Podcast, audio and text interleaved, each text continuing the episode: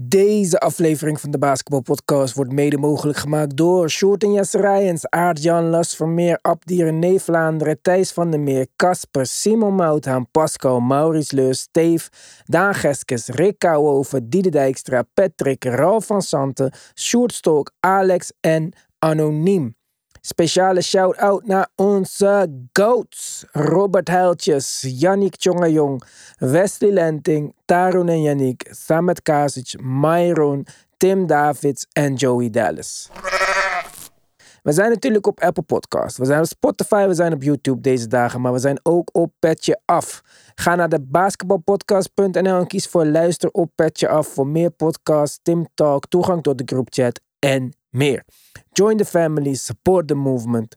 Let's go.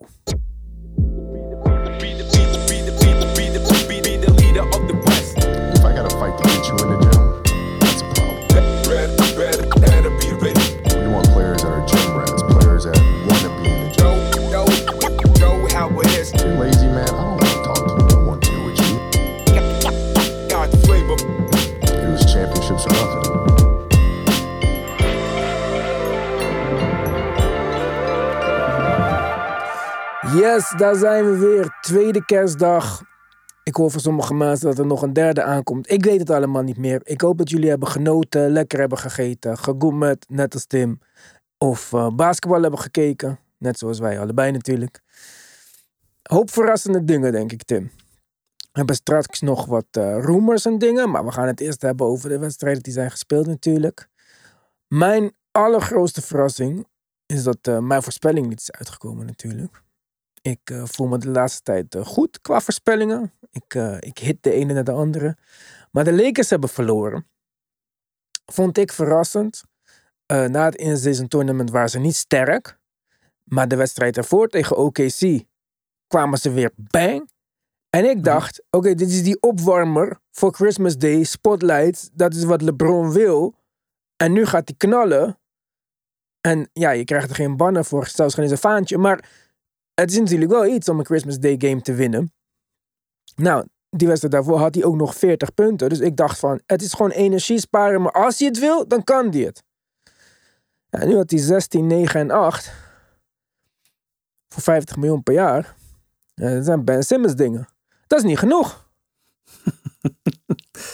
Nee, nee. on- Ondanks dat AD wel eh, weer het statsheet aardig vulde, was het inderdaad niet genoeg. Nee, ik denk dat dat voornamelijk ook aan de Celtics ligt. Die eh, wat mij betreft eh, ook wel voor een grote verrassing zorgde door eh, voor de veranderingen zijn wedstrijd te winnen waarin ze niet per se goed schoten. Niet veel raakt van drie. Ja. Wat bij hun eigenlijk altijd het recept tot ofwel maken ofwel breken is.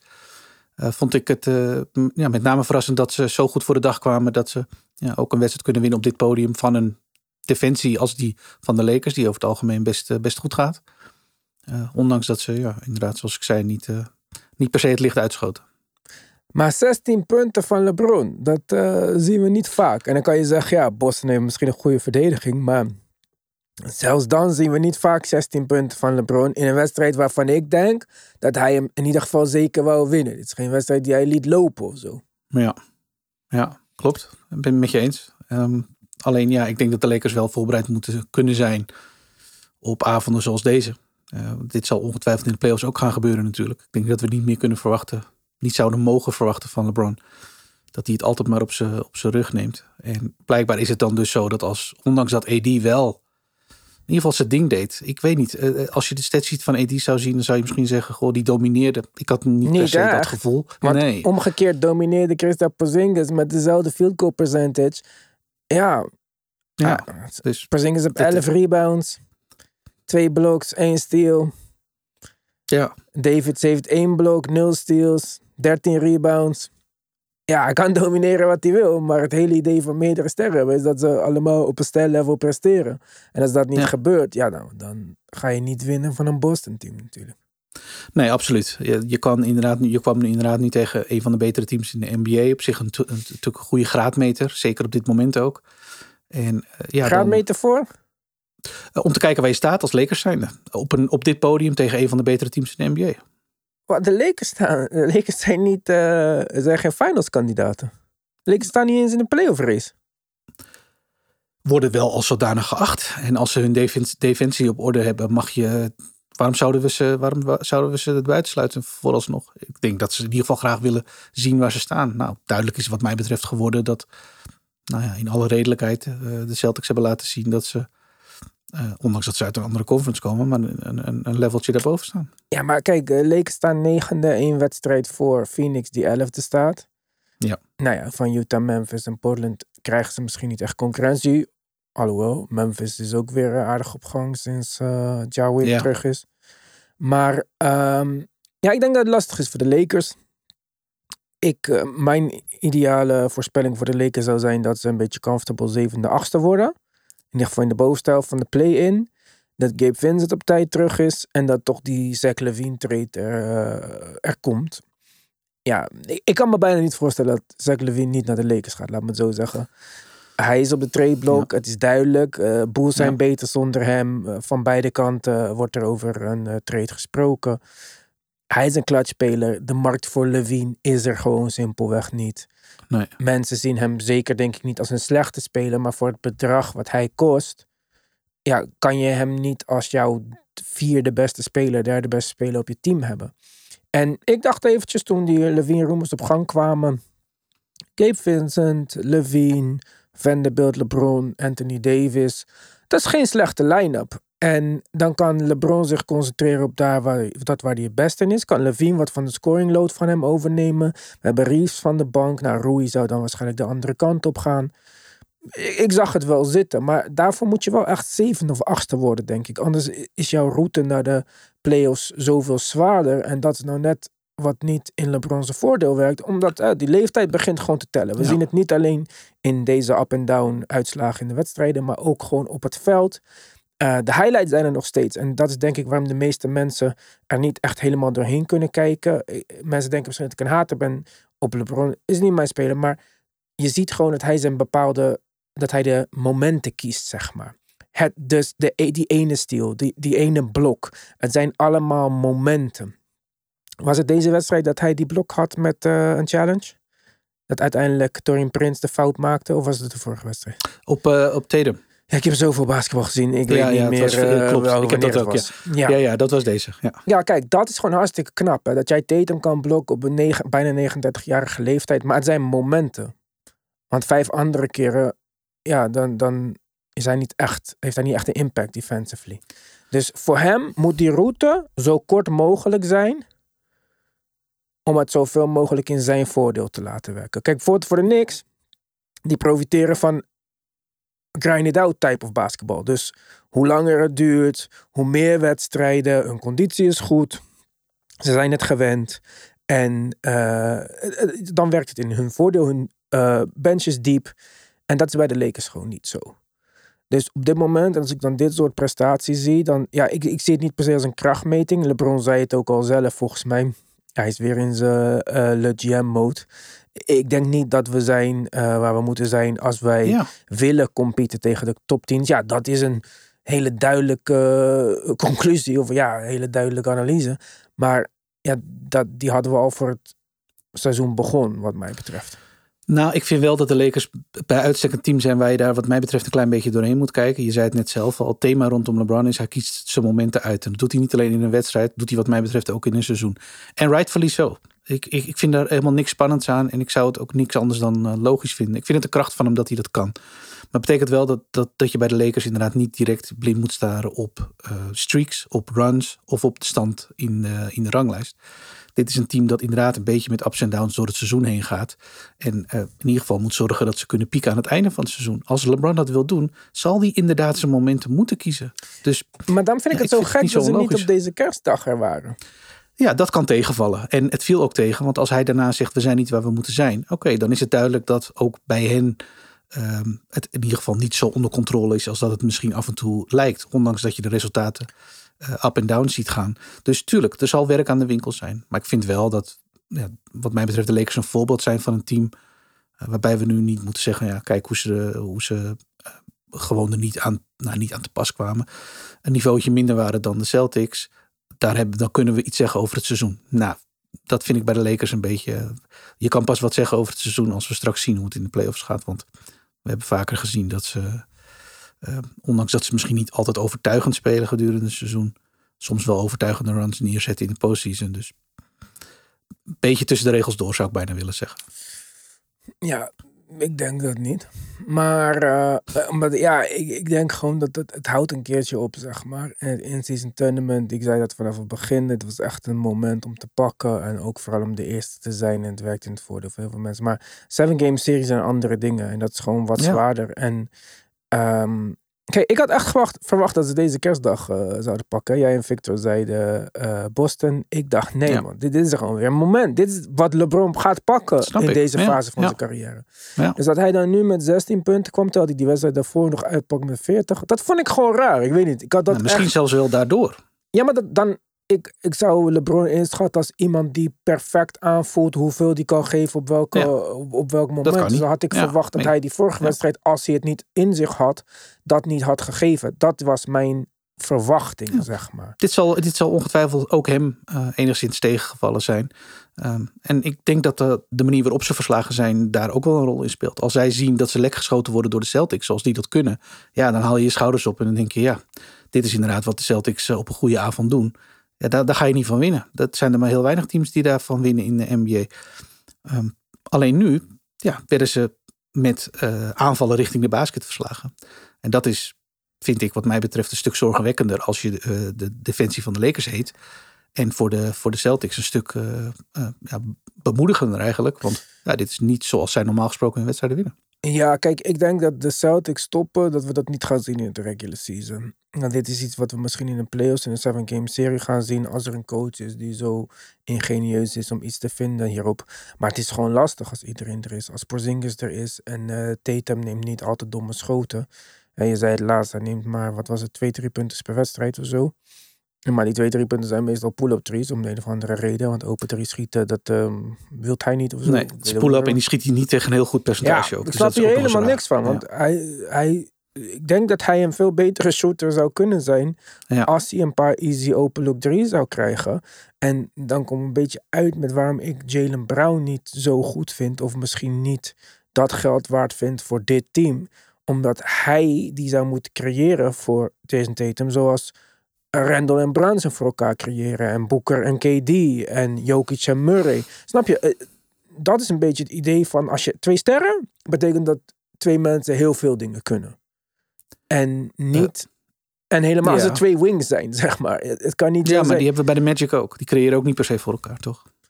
Ja, maar de Magic zijn ook, verdienen geen 60 miljoen per jaar. En zijn niet nog niet, die zijn jonger, dat komt Ja, nog. maar die, nou, dan moeten we eerst afwachten. Maar die zijn ook nog niet eh, op dat level. Ik denk gewoon dat dit, uh, ik denk dat Tatum, ik denk dat wat ik niet goed vind aan Tatum, voornamelijk komt omdat er zoveel op zijn bord terecht komt. Ja. En dan zie ik wat hij fout doet. Terwijl misschien niet alles wat hij fout doet überhaupt zou moeten gebeuren. Ja, en die balans is als goed is dit jaar beter. Want ik vind dat er een, een, een beter team om hem heen staat. En met een Porzingis en een Holiday die doen wat ze doen. Holiday schoot uh, deze wedstrijd ook wel, wel aardig. Dat is ook niet altijd zo.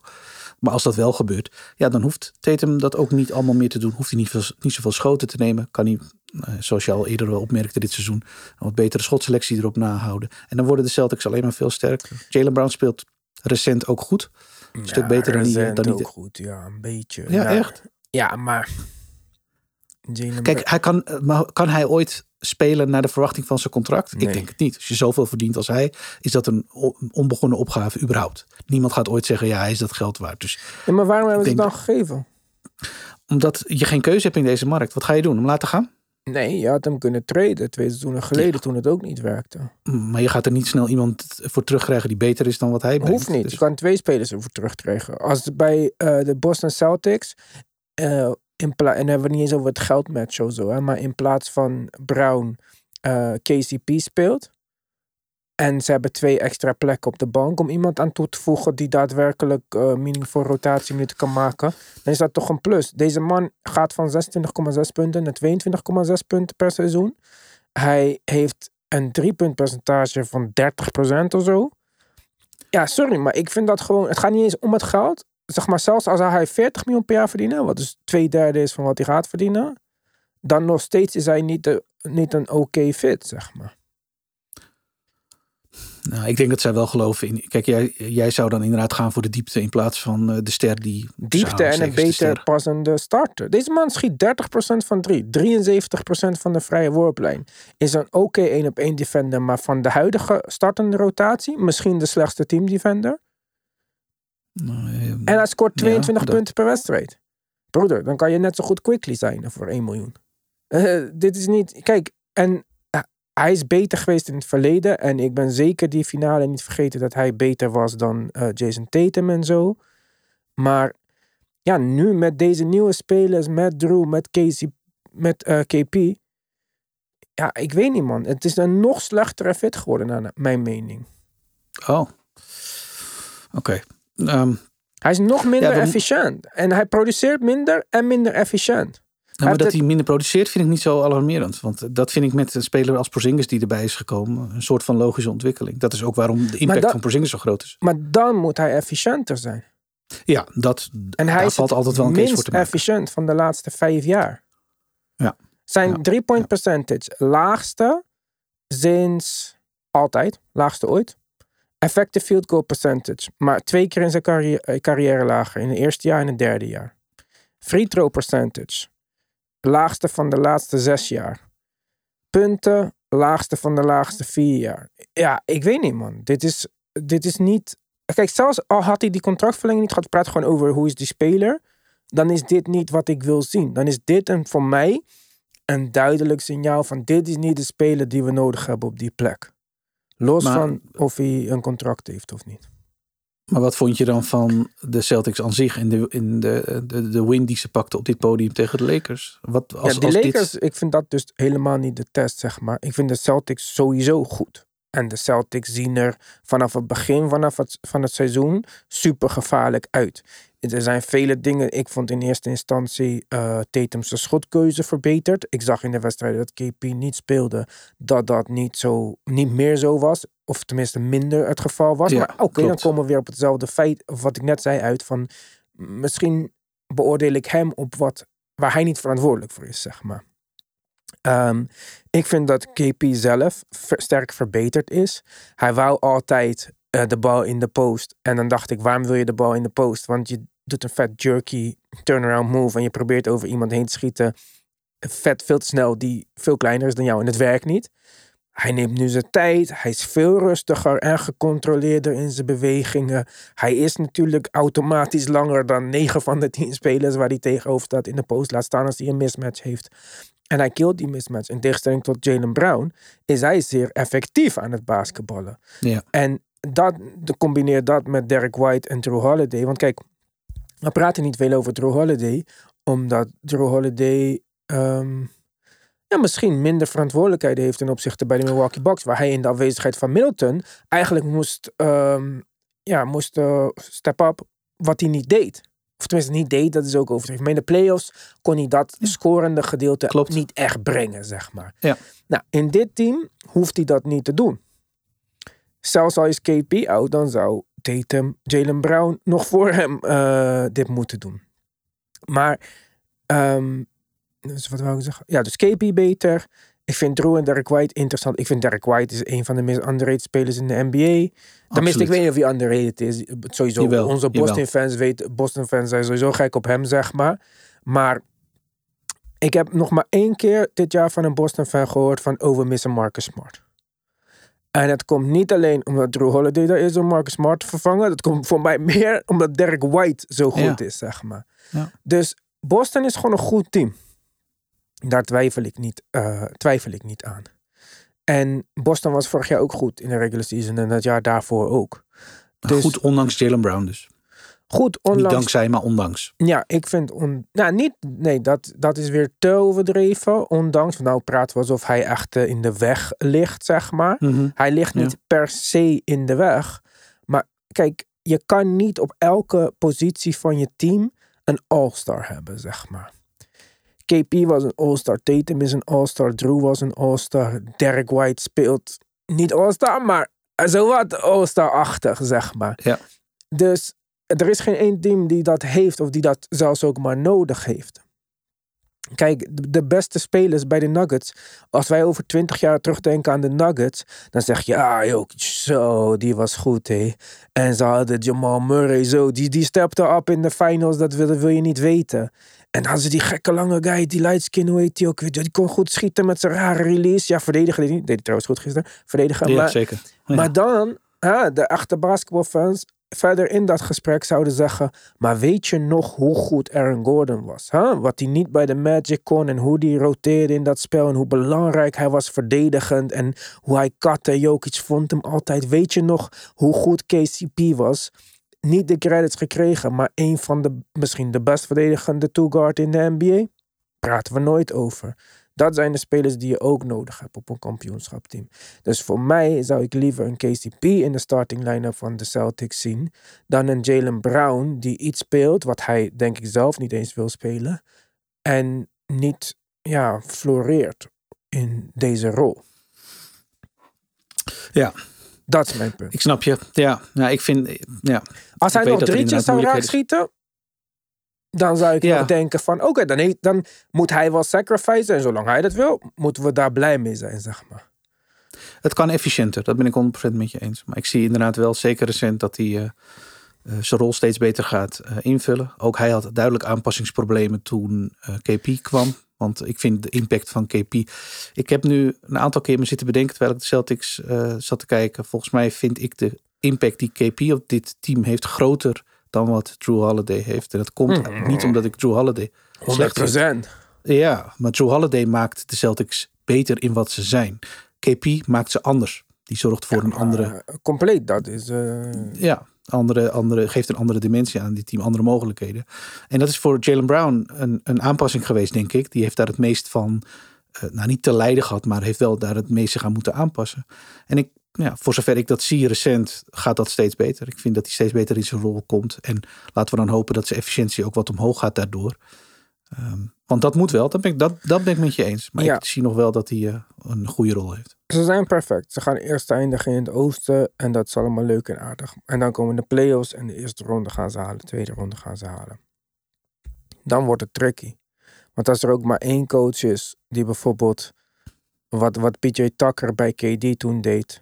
Kan doen bij KP. En KP zijn impact zwaar verminderen. Ja. Als we iemand hebben die constant een mismatch kan creëren. En daardoor kunnen scoren in de paint. Omdat de rim protection er niet is. Kijk, nu wordt het een probleem. Wat gaat dan Tatum, hè, net als Jamal Murray, een stapje omhoog doen? Krijgen we dan opeens de oude Jalen Brown terug? Want in de playoffs gaan de Celtics niet dit basketbal kunnen spelen. Nee, klopt. En daar Klopt. zie ik problemen. En ze gaan niet Jalen Brown traden. En ik zou, zou het ook niet 1, 2, 3 doen. Ik zou zeker niet zeggen, hey, weet je wat, trade eh, Jalen Brown voor eh, Zach Levine, want dat is een betere shooter. Nee, dat zou ik ook niet doen. Maar ja, kijk, deze moves voor mij waren onverwacht. Mark Smart traden en KP terughalen en dan Drew Holiday krijgen. Dus eh, je weet maar nooit met de Celtics. Ze zijn in ieder geval niet bang om wat te doen. In tegenstelling tot andere Nee. teams die voor eeuwig stilstaan. Dus eh, dit is eh, interessant. maar goed, we hebben het over de Lakers gehad. We hebben het over de Celtics gehad. Maar eh, nog niet over de kampioen. En die wedstrijd kwam gewoon eerder. Nuggets Warriors. Nou, het opmerkelijkste daarvan vond... Sowieso eigenlijk hebben we best wel avond met leuke wedstrijden gekeken, zeg maar. Ja. Dat, dat vond ik allereerst. We moeten positieve dingen benadrukken natuurlijk. Jokic en Stef, allebei in het begin van de wedstrijd niet echt indrukwekkend, weet je wel. Dat is natuurlijk niet wat je wil als NBA eh, op zo'n avond. Helemaal als later op de avond ook Jimmy Butler en Embiid niet gaan spelen. Want star power is nog steeds wat deze NBA op draait. Maar ik denk goed basketbal. En dan zie je gewoon dat de Nuggets zijn ehm, gewoon een stapje beter. En niet alleen een stapje beter. Ik denk dat op dit moment, ehm, hoe heet die? Michael Malone een betere coach is dan Steve Kerr. Ik, ik heb Steve Kerr, zonder dat ik het heb gezien, zeg maar, is hij afgegleden naar ja, niet zo'n grote hoogte, om het maar zo te zeggen, qua coaching. Ehm, nou, ik denk dat hij in een moeilijk pakket zat. Omdat hij op een gegeven moment op de knop moest drukken om een aantal van de spelers die ja, verantwoordelijk waren voor dit succes eh, terug te wijzen. Die rotatie wat andere invulling te geven. En eh, ik ehm, vond die wedstrijd heel interessant op meerdere vlakken. Ik kom straks wel even op de Nuggets. Maar van de Warriors denk ik, ja, als er toch een wedstrijd zou zijn die je verliest. Waarvan je dan nog zegt van nou, hier halen we wel bemoedigende signalen uit. Dan was het deze wat mij betreft. En dat is voor de Warriors denk ik al met Andrew Wiggins die eindelijk weer uh, nou ja, een aardige wedstrijd afleverde. De wijzigingen in de personeel starting line-up die wat mij betreft... Gedwongen wijzigingen. Gedwongen, ja. Maar ik denk dat we niet moeten onderschatten hoe moeilijk het is voor een, uh, een coach die vanaf moment één bij die run is geweest om deze beslissing te nemen. En om inderdaad te zeggen van nou, uh, ik, ik, die Trice Jackson Davis en die Pajimski, die, die ga ik echt in de rotatie opnemen. Dat worden belangrijke spelers. En, want wij van buitenaf zeggen altijd wel vaak als we jonge spelers zien. Uh, fantastische speler, leuk. Geef hem minuten, ja, geef ja. hem de kans. Hij kan het aan. Maar ja, voor, om dat uiteindelijk te doen. Maar kijk, hij had een excuus om het te doen. Ja. Hè? Door die Draymond out en die echt die, die, die benching van Clay en Wiggins in de... Kijk, hij had echt ballen gehad als hij Clay had gebenched. Maar oké, okay, Clay doet het ook beter de laatste wedstrijd. Dus dat is ja. dan, maar uh, Wiggins benchen na zo'n ja, seizoen nu compleet. Als je de helft van vorig jaar en de helft van dit jaar meepakt. Ja, oké. Okay. Ik, ik, zei het tegen Robert Huiltjes, of tenminste hij reageerde op die post die ik op Instagram had gemaakt over die free throw attempts. Keur was daar heel erg uitgesproken over aan het einde van de wedstrijd. Wat ik ook begrijp, want Jokic kreeg zijn ja. vrijworpen makkelijk. Had wel een punt. Ja, maar ja, ja. je verdedigt hem ook met de kleine mensen in de paint. En um, ja, da dan krijg je snel vrije worpen, ja. Maar als je de lijst er dus bij pakt van hoeveel vrije worpen Jokic averaged over een seizoen. Hij averaged hetzelfde getal als uh, Steph Curry. En Steph Curry gaat niet echt naar de paint. Dus om voor een paintspeler dezelfde vrije worpen per wedstrijd te averagen als een perimeterspeler. Terwijl we Jokic elke wedstrijd zien met kras op zijn armen. Ik snap dat hij het over deze wedstrijd had. Maar... Ja, want dit is iets, is een recente ontwikkeling. Jokic deed zoals hij nu bezig was, heb ik hem recent niet zien doen. Dus dit is ja, maar dat iets krijg... waarvan hij waarschijnlijk zag van dit, dit gaat meer en ja, meer. maar dit is als je uh, tegen te kleine spelers speelt. Ja, en, en Jokic die waarschijnlijk ook ziet dat het loont. Hij ziet ja, om zich heen ja, iedereen dus, op deze manier spelen. Ja, maar, en hij denkt, ja, dat kan ik ook. Ja, dus, ja maar dat was niet het moment van Steve Kerr om op deze wedstrijd commentaar te hebben. Vond ik. En niet alleen dat. Ik vind Steve Kerr is gewoon aan het janken de laatste tijd. En dat doet hij te veel. Uh, volgens Robert Houtjes, want uh, ik, ik zei dat, uh, ik, ik vond Steve Kerr zielig, zei ik tegen hem. En um, toen zei hij van, dat de Warriors fans noemen hem nu Sleepy Steve. Dat is onder Warriors fans de nickname voor Steve Kerr. Omdat hij continu te laat ingrijpt, slechte line-ups. En kijk, of je nou vindt dat Jokic te veel vrije worpen heeft in deze wedstrijd. Ik denk dat dat dan, als je dat vindt, dan vind jij automatisch dat Embiid en Giannis te veel vrije worpen hebben. Ja, het is een league-wide pro. Ja, klopt. Okay. Het is niet alleen dit. Maar ja. dus dat is dan een diepere discussie. En als jij ja. in de NBA bent, dan had je dit ook eerder mogen vaststellen. Maar het is telkens drie frustratie uiten, zeg maar. Als jij zo je gevoelens niet onder controle hebt. Kijk, Steve Kerr in zijn beste dagen had aan Popovic antwoord gegeven. Die had gezegd van nou, ik denk dat wij ook maar eens gaan beginnen met uh, constant naar de ring proberen. Snap je? Van, uh, ik denk ja. dat wij niet uh, optimaal gebruik maken van de nieuwe regels. Maar deze frustratie dingen, dan, dan reageer je uit emotie. Hetzelfde met Draymond. Ja, deze Draymond van de chokehold en de dit. En... Nee, chef. Jij hebt je team niet meer onder controle. En dat is waar we ja. nu zijn beland.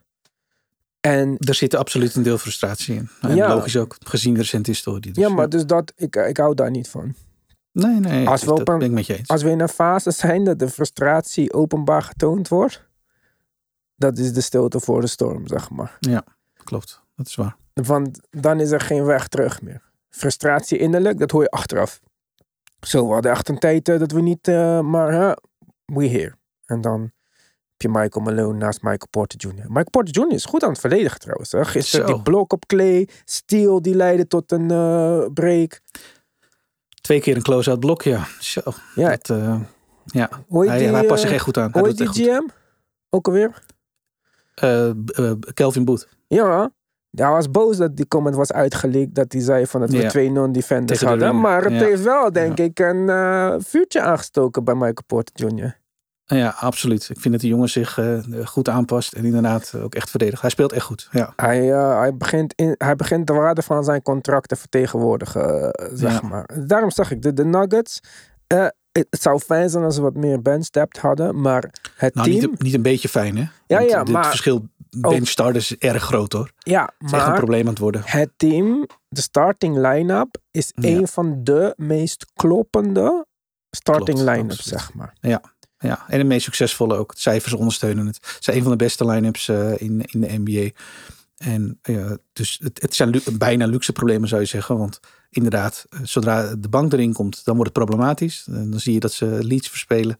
Maar deze starting unit, ja, die is echt, echt heel sterk. Ja. Ja, vind ik ook. We kregen nog even in de ochtend een berichtje over Draymond Green. Dat hij heel serieus eh, zijn eh, rehabilitatieproces aan het nemen is. En Ja. dat eh, hij in gesprek is via Skype met league officials en zo. En het werd gezegd door Woj, die volgens mij onder contract staat bij Clutch. Of in ieder geval affiliate is van Clutch. En dan denk ik van jongen, jongen, jongen, jongen. Jullie moeten echt stoppen met deze marketing doordrukken, zeg maar. Ik word zo moe van dit. Echt zo moe. Als LeBron iets bijzonders doet, dan hoor je gelijk Trey Young, Draymond Green. Alle klatspelers moeten dan wat openbaar zeggen. Maar, eh. En dan op kerstochtend stel van ja, laten we allemaal Draymond vergeven. Ja, ja. Vriend, je hebt zoveel Ja. massa dat ze nog gisteren hebben verloren. Anders was de topic on Christmas geweest. De Warriors zijn beter zonder Draymond Green. Ja, dat waarschijnlijk wel. Waarschijnlijk wel ja. Dus volgens mij zat die hele Rich Paul met Adele en Draymond Green voor de tv van zo, alsjeblieft, dankjewel Jokic. Ja, ik, ik, ik weet het. Ik vind het. eh, ja, ik ben er ook geen fan van. Het is nou, nieuws creëren dat er niet is. Het is geen nieuws. Ik hoef niet te weten dat hij in gesprek is met de betrokken partijen. Want ja, Ja, maar- dat lijkt me logisch. Wanneer gaan op kerstochtend, hoezo? Maar hoe lang gaan we deze mensen nog insiders noemen en niet gewoon eh, persvoorlichters? Het is gewoon wat naar buiten is gebracht. Ja, Je- ik heb, je rapporteert ik heb al geen eerder tegen je gezegd. eh, Ze, ze breken trades en ze breken draftpicks eh, zoals ze dat doen. En daarin vind ik ze waardevol. En verder niet. Dus Ja. laat gaan. Wat mij betreft hou je het vooral daarbij. En ik zou graag zien dat er ergens nu een trade gebroken wordt. Want ik vind het tijd worden. Maar Zou leuk zijn, ja. We hadden het gisteren Ja. op iMessage over een trade. Die gaan we zo wel even een petje af bespreken. Want die zou ik heel Ja. graag zien gebeuren. Ik zag alweer dat een van de eh, namen in die, die ik in die trade... Dat Kelly Olynyk wordt nu ook in verband gebracht met de Boston Celtics. Celtics. Wat denk ja. ik een goede move zou zijn. Maar hè, laten we niet de, Moeilijk, de rijken rijker maken. Dus ehm, daar gaan we het even zo over hebben. Andere wedstrijd eh, van de avond, Mavs Suns. Om te beginnen kwam daar ook weer een bericht naar buiten dat KD ontevreden is of irritated. Nou, dat hebben we vaker gezien in het verleden. Dat het bericht naar buiten kwam dat KD irritated is. Dus Ja. dat, dat voorspelde weinig goed. Dus ik ging ook met, eh, met die uitspraak in mijn hoofd, ging ik de wedstrijd in, zeg maar. Ik dacht van, laat me kijken of het realistisch is wat hij zegt. Want ja, wie zijn er nou oud? Nurkic en Beal. Ja, dat, dat kan nou eenmaal gebeuren, zeg maar. Maar ik kan me ook bijna niet voorstellen dat die trade voor Beal gebeurd is zonder dat ze KD's input hebben gevraagd. Kan ik me niet voorstellen. Ik zeg niet dat het wel Nee, of niet zo is. Ik zeg dat is gewoon wat ik mij niet kan voorstellen. Dus als jij erbij was toen deze domste trade aller tijden werd gemaakt, dan hoe ga je dan nu janken dat het niet uitpakt zoals je wil? Je kan wel zeggen, ja, hij is geblesseerd, maar het hele punt is dat KD houdt van deze flow offense, waar iedereen naar elkaar paast en de bal gaat rond en dit en dat. Ja, dat kan niet als jij drie spelers hebt die de hele salary cap in beslag nemen en de rest van de spelers minimum contract zijn die dat Ja. basketbal IQ daarvoor niet hebben. Dus daarom treed je eten, je treedt iedereen, je maakt alles zodat dit werkt. Maar nee, dan had je niet voor Biel moeten treden. Nee, maar ik vind het ook een beetje ehm, terugkomen op het concept van het team. Want volgens mij toen de Beal trade plaatsvond en we het eh, team een beetje gingen nou ja, beoordelen, werd, was de eh, aanname van iedereen al, dit zijn drie mannen waarvan we weten dat ze injury history hebben. Ze gaan tijd missen. Dus dit team zal moeten wennen aan, aan stretches, lange stretches misschien wel, waarin twee van de drie beschikbaar zijn en niet drie van de drie. Als die drie, maar waarschijnlijk als de postseason begint, daar staan. Dus dat je nu met twee van de drie niet komt waar je komt, ja, dat zou volgens mij vanaf moment één bekend geweest moeten zijn. Eh, Dit is een van de scenario's. Dus Ja. ja, wiens schuld is dit? Volgens mij verliezen ze nu een wedstrijd van de Mavericks waarin de een aantal bench pieces of roleplayers, noem ze maar, het heel goed deden. En vooral Booker en KD, wat mij betreft, uh, nou, soort van niet thuis gaven. KD is uh, geïrriteerd ook op het veld. Ik zie hem steeds agressiever en zo naar de scheidsrechters toe. Ook scheidsrechter moest even onder ons. Je hebben zelfs met Booker en KD van uh, nu moeten jullie rustig gaan doen. Stoppen, ja. En um, kijk, ik heb al eerder gezegd, je zet de beste speler in het team, wat naar mijn mening Booker is. Uh, in deze fase van hun carrières. In, zijn, in de niet-ideale positie. En Booker was gisteren tering slecht. Ik weet niet hoeveel ja. turnovers die heeft of hoeveel het echt uit is gekomen. Maar zoals ik het zag, leek het er gewoon tien of zo, zeg maar. Waarschijnlijk het, zijn het... KD had er zes en Boeker had er drie. Ja, voor mij leek het alsof Boeker de tien had. Echt gewoon ja. de mislukte passes. Misschien slordig. zijn sommige ja. andere turnovers op de naam gekomen van de ontvanger van de paas. Maar dan was hij degene die de paas niet goed gaf. Ja, en dit is dus wat ik bedoel. Jij wil dit type basketbal creëren met minimum uh, contract players. Kijk, als dat kon, dan zou iedereen in de NBA tering goed zijn. Het hele idee is juist dat je zo goed mogelijke spelers hebt die het meestal opvullen tussen twee sterren. Waardoor jij, je neemt drie sterren die precies dezelfde dingen willen doen. Ja, ik vind dat gewoon dom. En uh, ja, Norkis is ook hartstikke belangrijk voor hen. Dus dat je niet snapt dat het niet zo goed gaat als het uit is. Maar ook Eten is getraind omdat hij niet in dit concept past, zeg maar, van intelligente spelers. Je weet, als jij had verwacht dat Noorkis 82 wedstrijden per seizoen ging spelen. Kijk, dat Noorkis een goede fit was of niet, daar kon je over debatteren. Maar dat hij niet 82 wedstrijden per, wedstrijd, per seizoen ging spelen, dat had je gewoon moeten weten. Ja, als je daar nu over gaat janken, dan ben je gewoon dom. Nee, nee. Dus dit, dit is uh, wat er nu gebeurt uh, in, voor de Suns als het gaat om personeel en beschikbaarheid. En dat, dat, dat kan geen verrassing zijn. En nogmaals, als je dan een wedstrijd verliest waarin KD en Booker uh, de pannen van dak spelen en de rest van het team niet thuis geeft. Dan heb je wat mij betreft ook een discussie. Want dan zou je zeggen, ja oké, okay, we wisten van tevoren dat dit de manier is waarop we ons team bouwen. We mogen wat verwachten van de rest van de spelers. Prima, maar dat is niet het geval.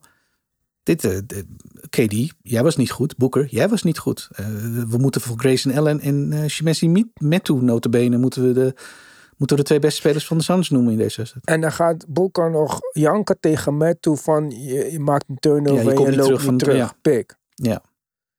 Ja, ik vond het echt, uh, ik vind, die, ik vind de Suns hoe ze spelen, vind ik gaar ik mag die owner met SBF geen ene fucking meter. ja, ik vind dat echt zo'n cirkel. Hij kwam daar, ja, sterren, sterren, sterren. Dit is precies niet hoe je basketbal bouwt. Maar... Hm. Ja, dat is ik, uh, Nee, klopt. Maar ik, ik snap het. het is, uh, hij, hij, hij is polariserend in de manier waarop hij dat heeft aangepakt. Uh, ik vind het leuk als uh, mensen in de NBA op die manier wat proberen te forceren. Alleen inderdaad, vooralsnog ja, pakt het niet echt lekker uit. Ja, helaas pindakaas. Maar even kijken, wat hadden we nog meer op het programma staan? Ik heb uh, Heat uh, Sixers niet gekeken, als ik eerlijk ben. Ik ook niet. Want uh, ja, als iedereen besluit om niet te gaan spelen, ja, dan weet ik niet meer waar ik moet gaan kijken. Ik ben benieuwd of er een onderzoek komt van de NBA. Nou ja, die injury van Embiid is, was zichtbaar. Dat gebeurde in de wedstrijd ervoor. En dat zag er, ja, okay, het zag er niet lekker uit. Dus ik denk dat daar niet zoveel van...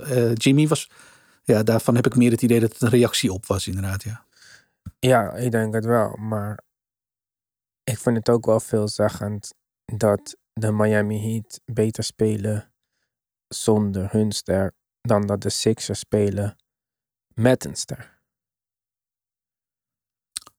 Met welke ster bedoel je dan? Maxi? Ja, is toch een ster of niet, volgens jou? Ja, ja. Ik zit hier uh, wekelijks in een podcast met jou te praten over hoeveel beter Maxi is dan uh, Quickly. Ik, uh, ik, ik, ik, wilde gewoon even met je checken. De beste man was 1 op 8 voor 12 punten de hele wedstrijd. Ja, ik, ik weet het niet. Ik zag inderdaad dat Jaime Gakes triple H was het. Hè? Ja dat hij uh, topscorer was bij de Heat. En, uh, dat vind ik leuk, want ik vind het een fantastisch speler. Maar ik heb de wedstrijd niet gezien, dus ik heb echt geen enkel idee wat... Uh, en die Jaime Hakes en die Pochimski, die zijn allebei gedraft naar die uh, Hoed Shavino van de Lakers. Dus dat gelijk weer. Oh. Lakers fans gingen ja. beste daarmee, maar het zijn wel rietjes, hè, want het zijn in de 20 picks, dus... En ze zitten beide op een perfect team, perfecte situatie. Dus de match is ook nog eens gewoon hartstikke goed. Dus ja, ja weet je, dat kan je nooit zo zwart-wit stellen. Vond ik ook. Ik, uh, ik vind het niet erg soms om de Lakers fan te pesten, omdat ze wel genoeg uh, hoogtepunten hebben beleven in hun uh, fandom carrière. Maar ehm, nee, dat, Nee, eh, niet, dat eh, was niet... eh, Niet op Jaime Gakkes en nee, Podjimski nee, afgaan. nee, want dat, dat, eh, zijn gewoon matches made in heaven. Ja, Ja, precies. ja. Maar eh, ja, dus die heb ik niet gegeven. Trouwens, we hebben het helemaal niet gehad over hoe goed Luca was. Want eh, die liet dus wel. Wel voorspeld, kerst, eh, jij voorspeld. Nou, jij ook. Jij zei ook van eh Luca is, eh, volgens mij hadden we alle drie eh, Dallas als winnaar van deze wedstrijd. Even kijken. Ik kan Jawel. me volgens mij herinneren dat jij ook zei van ja, Luca is hier, zorg dat hij hier wel klaar voor is. En dat, dat ja. is wat, was wat mij betreft ook de, de verwachting inderdaad. Ja, maar dat hij eh, opmaken voor 50 belangrijke plus punten scoort op Nee, eerste kerstdag, dat is wel weer overdreven. Uiteraard. Maar dat hij goed zou zijn, dat hadden we stiekem allemaal wel verwacht. Nee, ik denk, ja, Dallas zonder Kyrie die Phoenix verslaan. Ik zou het als Suns fans of Suns speler zelf, ik zou er wel van balen. Want je treft de Mavericks dus niet eens in optima vormen. Nee, maar eh, ik, ik zou ook gewoon denken van... Kijk, we hebben deze soort van rivalry al tussen Booker en Luca. En wat mij opvalt is dat elke keer dat als ze elkaar treffen... dat eh Luca zijn hoofd koeler houdt dan dat van Booker, zeg maar. En er is iets ja. wat Luca doet, wat Booker gewoon tot in het diepste van zijn core raakt en irriteert, zeg maar. Of druk om laat maken, laten we het zo zeggen. En dat Ja. doet hij niet eens. Dat, ik kan geen andere speler noemen die meer een hekel heeft aan ja, Dallas Mavericks op de kalender zien dan Devin Booker. Ja, omdat de prestaties er. Kijk, ze hebben inderdaad een periode. Ik vond de, de, de toon afgelopen dagen al een stuk gematigder. En er was Ja, ja, ze waren vrienden en zo, en ze Ja, waren- ja, ja. Ze En dat is natuurlijk leuk gedurende het seizoen. Maar als deze twee elkaar in de playoffs tegenkomen, dan is het weer eh, haat en nijd. En prima, ik, ik vind dat alleen maar heel leuk. Alleen ja, als je als boeker zijnde daar natuurlijk eh, met je neus op de feiten gedrukt wordt, wat nu al een paar keer gebeurd is. Ja, dan gaat het je natuurlijk wel, eh, wel irriteren. Dat, dat wil ik best geloven. Ik snap het allemaal, maar step up. Niet janken. Ja, eens. Eens. Ja, en als iemand dat kan, is het boeker wat mij betreft. Dus Ja, ik snap het niet. Boekers zijn. eh, Ik vind Boeker echt goed, hè. Maar dit seizoen lijkt het alsof hij. Hij is niet meer die competitor die hij was of zo. Het lijkt alsof hij in één keer in de rol van een eh, superteam is geschoten. En vindt dat ze maar moeten krijgen. Snap je wat ik bedoel? Misschien zeg ik het, leg ik het niet goed uit of zo. Maar ik zie gewoon niet bij Boeker dat wat ik vond dat hem zo goed maakte, zeg maar. Hij maakt op een gegeven moment Ehm. een omslag van empty stats naar gewoon van nee, ik wil nu winnen. Het is afgelopen. En hè, niet in zijn eentje natuurlijk, maar met zijn team. En ze begonnen te winnen, te winnen, te winnen. Maar sinds dat Chris Paul daar weg is en eh, sinds dat KD daar is, stelt hij zich meer weer op als hoe hij in het begin deed. Van nee, ik verdien of zo. Ja, ik weet niet. Misschien leg ik er niet goed uit. Maar ik vind zijn Nou ja, wat ik- Nee, en eh, wat mij met name opvalt eh, al een tijdje, is dat ik het idee krijg dat hij soms misschien een beetje acteert vanuit de gedachte: ik moet de juiste paas zoeken en ik moet de juiste man vinden en ik moet de, een juiste teamspeler zijn. Waar ik soms denk, in deze wedstrijd waren ook voorbeelden dat ik hem zag drijven en dacht: ah, oké, here we go. En dan kwam hij vlak bij de basket terecht en dan ging de bal naar buiten. Dan denk ik, ja, dat zal ongetwijfeld de instructie zijn als je ergens een teamgenoot ziet openstaan. Maar dit is niet de boeker die ik ken. De Ja, boeker maar die ik ken, Dit took matters into his own hands, zeg maar. En, ja, maar het is belachelijk. helemaal. Hij is geen fucking Ja. point guard. Hij, hij hoeft dat niet nooit te spelen. Ja, ik hoop echt dat het helemaal naar de kloot gaat. Maar we hebben hem in deze rol eh, afgelopen jaar ook al eh, eh, 35 plus punten gemiddeld zien scoren. Yes, Dat ging goed. Maar in wedstrijden waar hij inviel voor een geblesseerde Chris Paul. Dus het was niet Ja. per se zijn rol. Het was gewoon in the moment. Hé toch Boeker, jij krijgt de bal Ja, gewoon de hele wedstrijd, doe je ding. Nu is hij de point guard. Dus hè, om het hele team het hele jaar door te laten werken, worden er dingen afgesproken. Moet hij dus inderdaad Ja. drijven en kicks en dat soort dingen gaan doen. Kijk, ehm, ik, ik vind Boeker echt nog steeds goed. Hè? CAA, dus. Ja, Laat het gebeuren. ik Laat het hoop gebeuren. van harte dat het in... Sorry alle Suns fans, maar ik hoop dat het in elkaar stort. Want als er iemand is die ik bij de Knicks zou willen, zou het Devin Booker zijn, zeg maar. En Ja. naast Jalen Brunson zou Devin Booker veel beter zijn. Dan naast KD. Ehm, Jalen Brunson, Devin naast de, Booker, de Randle, Jalen Brunson van dit seizoen wel. Ja. Ja. ja, die veel van buiten schiet ook. Ik Ja. weet niet, kijk, KD wil altijd maar overal spelen en iedereen respect zijn eh basketbalgame, wat ook begrijpelijk is. Hè? Laten we even vooropstellen dat KD een hele goede speler is. Maar Ik weet niet of dit de speler is waarmee je wilt spelen als jij een andere ster bent. Welke andere ster, behalve... Nee, zelfs Stef heeft een stapje terug gedaan toen hij met KD speelde. Stef was niet Ja. Stef toen. Ja, was nog steeds wauw, maar niet wauw. Nee, maar de, ja, de combinatie was lethal inderdaad. Maar wel met KD als eh, nummer 1. Ja. KD wil je niet mee samenspelen. Merry Christmas.